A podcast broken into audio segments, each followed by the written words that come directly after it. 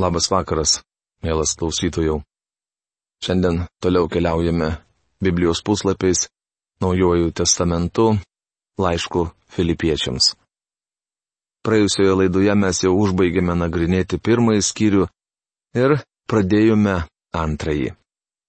Prieš pradėdamas šios dienos laidą noriu paprašyti Dievo pagalbos suvokti šiandien jo skirtus mums žodžius.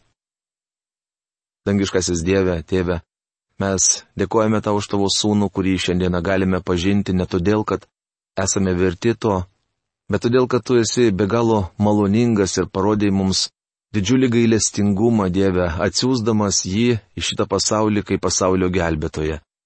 Dėkojame tau, kad tavo sūnus paliko dangiškąją šlovę ir kad atėjęs į šitą žemę viešpatė įvykdė amžinąjį atpirkimą. Buvo paimtas pas tave ir šiandien yra tavo šlovėje. Ir dėkojame tau dangaus Dieve, kad tavo dvasia, kurią tu apgyvendinai kiekviename tikinčiajame, šiandien gali atnešti iš tavo išminties lobino mums reikalingą žinojimą ir supratimą. Kosgi tavo yra požiūris į mus ir kaip mes turėtume pasikeisti savo prote, kad galėtume padaryti teisingus, tinkamus sprendimus kasdienėme gyvenime. Padėk Dieve mums šį vakarą išgirsti tave. To melžiame Jėzaus vardu. Amen. Taigi, filipiečiams laiško antras skyrius, kurio tema yra krikščioniško gyvenimo pavyzdys. Patariama žiūrėti kitų naudos. Prieš pradėdami nagrinėti kontroversišką temą, atkreipkime dėmesį į praktišką šio laiško dalį.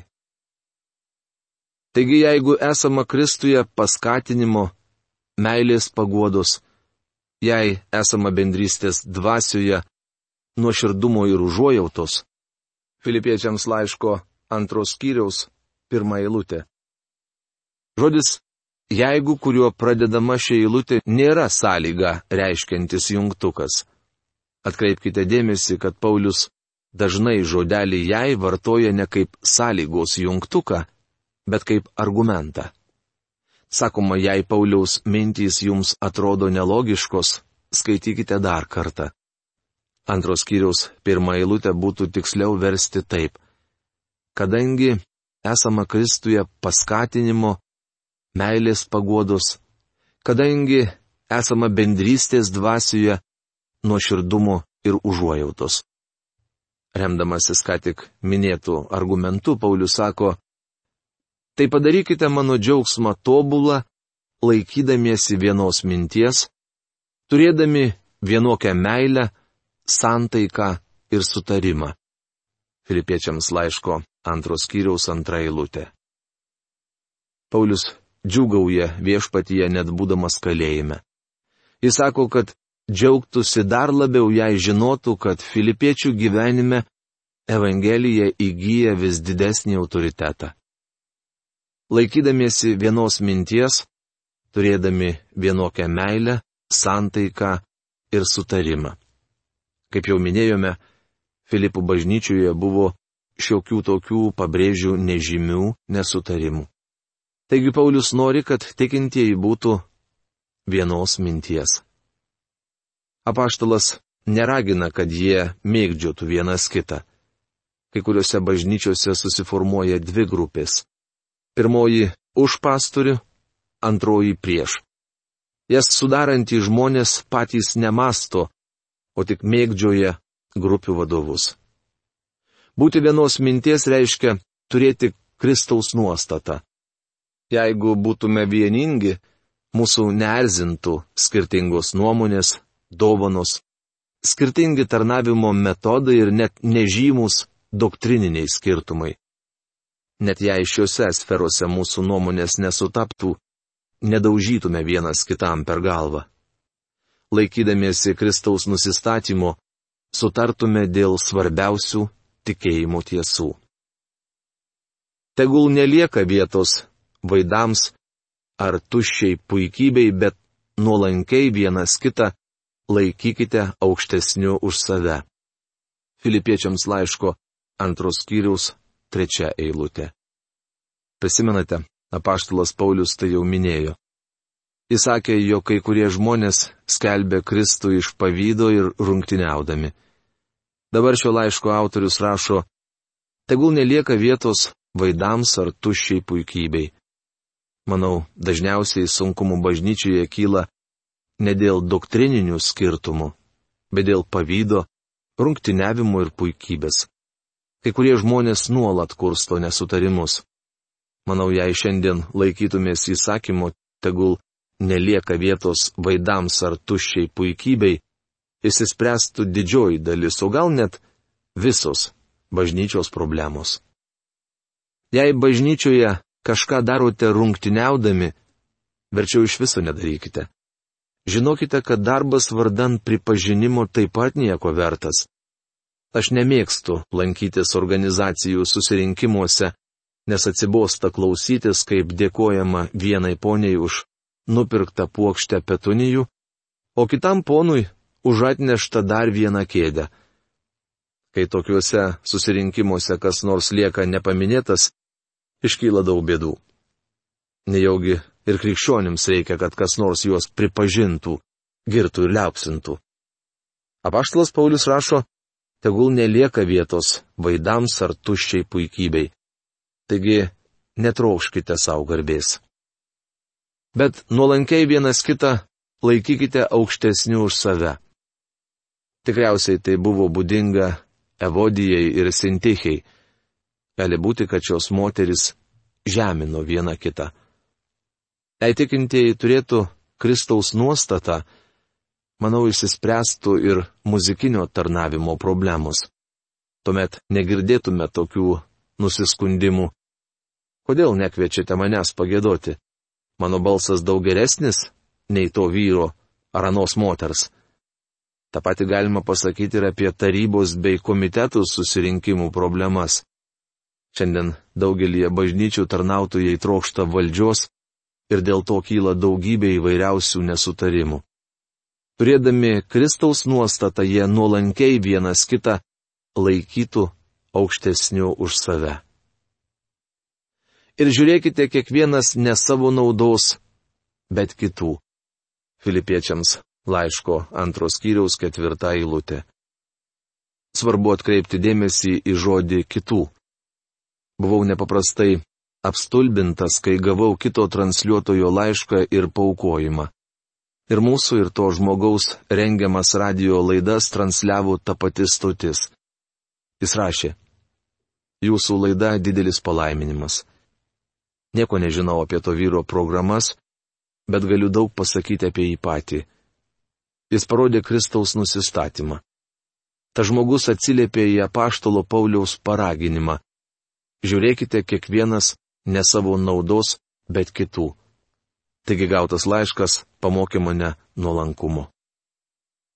Kitų yra pagrindinis šios pastraipo žodis. Krikščionybė pirmoji atkreipė dėmesį į šio žodžio svarbą. Kodėl Kristus palikęs dangiškąją šlovę atėjo į šią žemę? Dėl kitų. Kodėl mes turime skelbti Evangeliją? dėl kitų. Kristaus nuostata yra mąstyti ne apie save, bet apie kitus. Kristaus nuostata - nusižeminimas. Dabar Paulius paaiškina, kas yra Kristaus nuostata. Būkite tokio nusistatymo kaip Kristus Jėzus. Filipiečiams laiško antros kiriaus penkta eilutė. Kokia savybė geriausiai apibūdintų Kristaus nusistatymą? Be abejo, kad nuolankumas.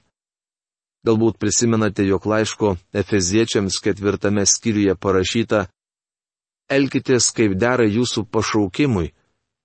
Toliau Paulius paaiškina, su visų nuolankumu bei meilumu, su didžia kantrybė palaikykite tarpusavio meilę. Tai prašoma Efeziečiams laiško ketvirtos skyriaus pirmoje antroje eilutėse. Štai koks yra Kristaus nusistatymas. Mes su jumis negalime būti nuolankus ir romus. Tiesiog tokie nesame. Visi norime, kad su mumis būtų skaitomasi, todėl skubame išreikšti savo nuomonę. Tik nesakykite, kad jūs netoks, nes tai netiesa. Niekam nepatinka, kai mūsų įžeidinėja ir ignoruoja. Ilgai mindomi imame kam nors jausti neapykantą. Girdėjau apie puikaus tarnautojo sūnų, kuris tapo valkata. Kodėl? Matote, jis turėjo nepaprastai gabų vyresnį brolį ir nuolat girdėdavo apie aukštus jo pasiekimus. Taigi maištaudamas tas vaikinas paprasčiausiai pasirinko priešingą gyvenimo būdą. Tai natūrali jūslinio žmogaus reakcija. Niekas nepasikeistų, jei tam berniukui sakytume, klausyk sunau, nekreipki savo brolį dėmesio. Jis negali nekreipti dėmesio.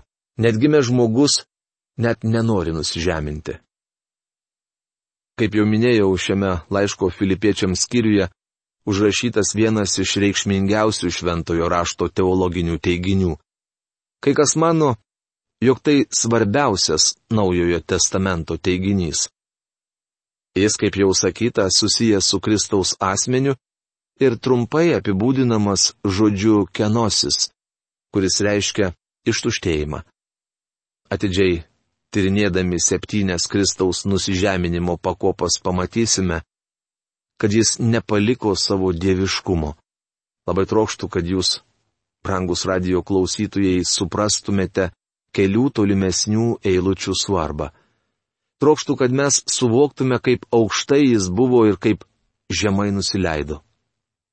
Milijardai šviesmečių yra niekas palyginus su Kristaus įveiktų atstumu. Pirmiausia, apaštalas Paulius išvardyja septynias pakopas, kuriomis Kristus nužengė žemyn. Septynios pakilimo pakopos be abejonių susijusios su jo išaukštinimu. Taigi dar kartą kartoju, kad Kristaus nuostata yra nusižeminimas.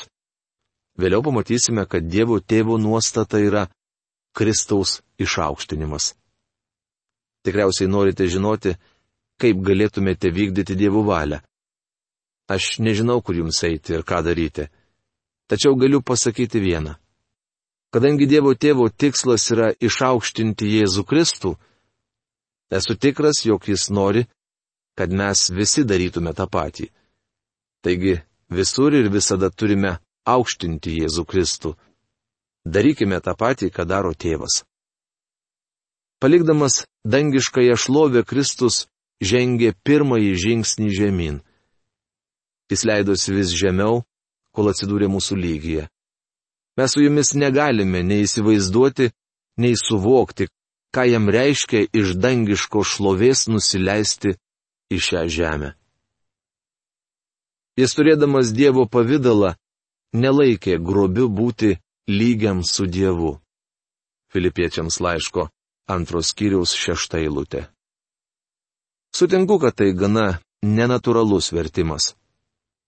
Būdamas Dievo tėvo dešinėje, Kristus nesilaikė įsikibę savo kėdės. Jam negrėsė pavojus prarasti vietą dieviškoje trejybėje už savo įdas ar atsiradus gabesniam konkurentui. Jis nelankė mokyklos, kad išmoktų Dievo amato ir netapo Dievu, perkeltas į aukštesnės pareigas. Jis buvo Dievas. Viešpats Jėzus nesakė Dievui tėvui, Pasaugok mano vietą tuos 33 metus, kol būsiu žemėje.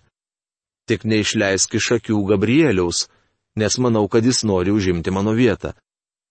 Nenoriu pasirodyti nepagarbus, tik bandau jums parodyti, jog viešpačiui Jėzui Kristui nereikėjo laikytis įsikibus savo vietos. Jei priklausė jam, nes Kristus buvo Dievas. Be to mūsų viešpats noriai paliko dangų. Jis nesakė, oi kaip nenoriu leistis į tą varginančią kelionę. Jėzus Kristus nužengė į žemę su džiaugsmu. Laiško hebrajams 12 skyriaus antroje eilutėje parašyta, kad dėl jam skirto džiaugsmo, verčia profesorius Algirdas Jurienas, jis iškentėjo kryžių. Jėzus sakė, štai ateinu kaip knygos rytinyje apie mane parašyta vykdyti tavo, o Dieve valios rašoma Hebrajams laiške dešimtame skyriuje septintoje eilutėje. Jis atėjo į šią žemę su džiaugsmu ir nepaliko danguje nieko ko turėtų įsitvėręs laikytis. Septintoje šios skyriaus eilutėje Paulius išvardė kitas šešias Jėzaus nusižeminimo pakopas. Bet apiplėšė pats save, priimdamas tarno pavydalą ir tapdamas panašus į žmonės. Jis ir išorė tapo kaip visi žmonės. Filipiečiams laiško antros skyrius septinta eilutė. Antroji pakopa apibūdinama žodžiais apiplėšė pats save arba kitaip tariant, ištuštino save. Kadangi šiame sakinyje pavartotas graikiškas žodis keno, iš čia kilo kenosis teorijos pavadinimas. Paulius rašo, kad Kristus ištuštino save. Kila klausimas kaip. Kai kas tvirtina, jog jis išsižadėjo savo dieviškumo ankstyvosios bažnyčios dienomis gnostikai sukūrė teoriją, kad Jėzus Kristus paliko savo dieviškumą. Tai reiškia, neva krikšto metu dieviškumas nusileido ant jo, o kai Kristus mirė ant kryžiaus jį apleido. Tačiau ši teorija nėra pagrista Dievo žodžiu. Jėzus Kristus apiplėšė save, bet neprarado savo dieviškumo. Net būdamas bejėgis kudikėlis, Marijos glėbyje jis buvo Dievas. Net tuo metu jis būtų galėjęs tarti žodį ir visata būtų pranykusi. Nebuvo tokios akimirkos, kai viešpats Jėzus nebūtų buvęs Dievas. Apaštalas Jonas rašo, pradžioje buvo žodis. Ta žodis buvo pas Dievą ir žodis buvo Dievas. Jis pradžioje buvo pas Dievą. Visa per jį atsirado ir be jo neatsirado nieko, kas tik yra atsiradę. Ta žodis tapo kūnu ir gyveno tarp mūsų.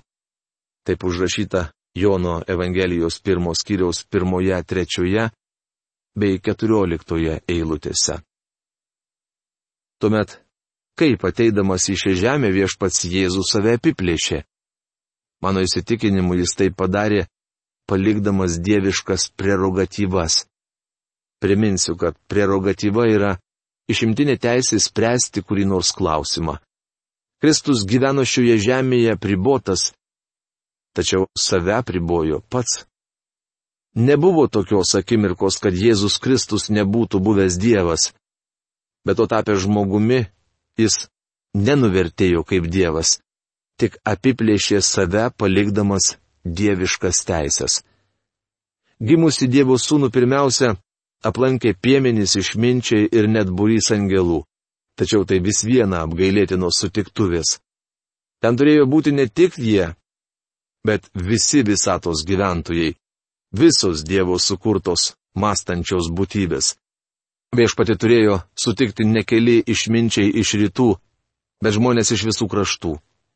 Ta diena net Jeruzalės šventykla turėjo stuksoti tuščia, nes visi privalėjo būti Betlėjuje.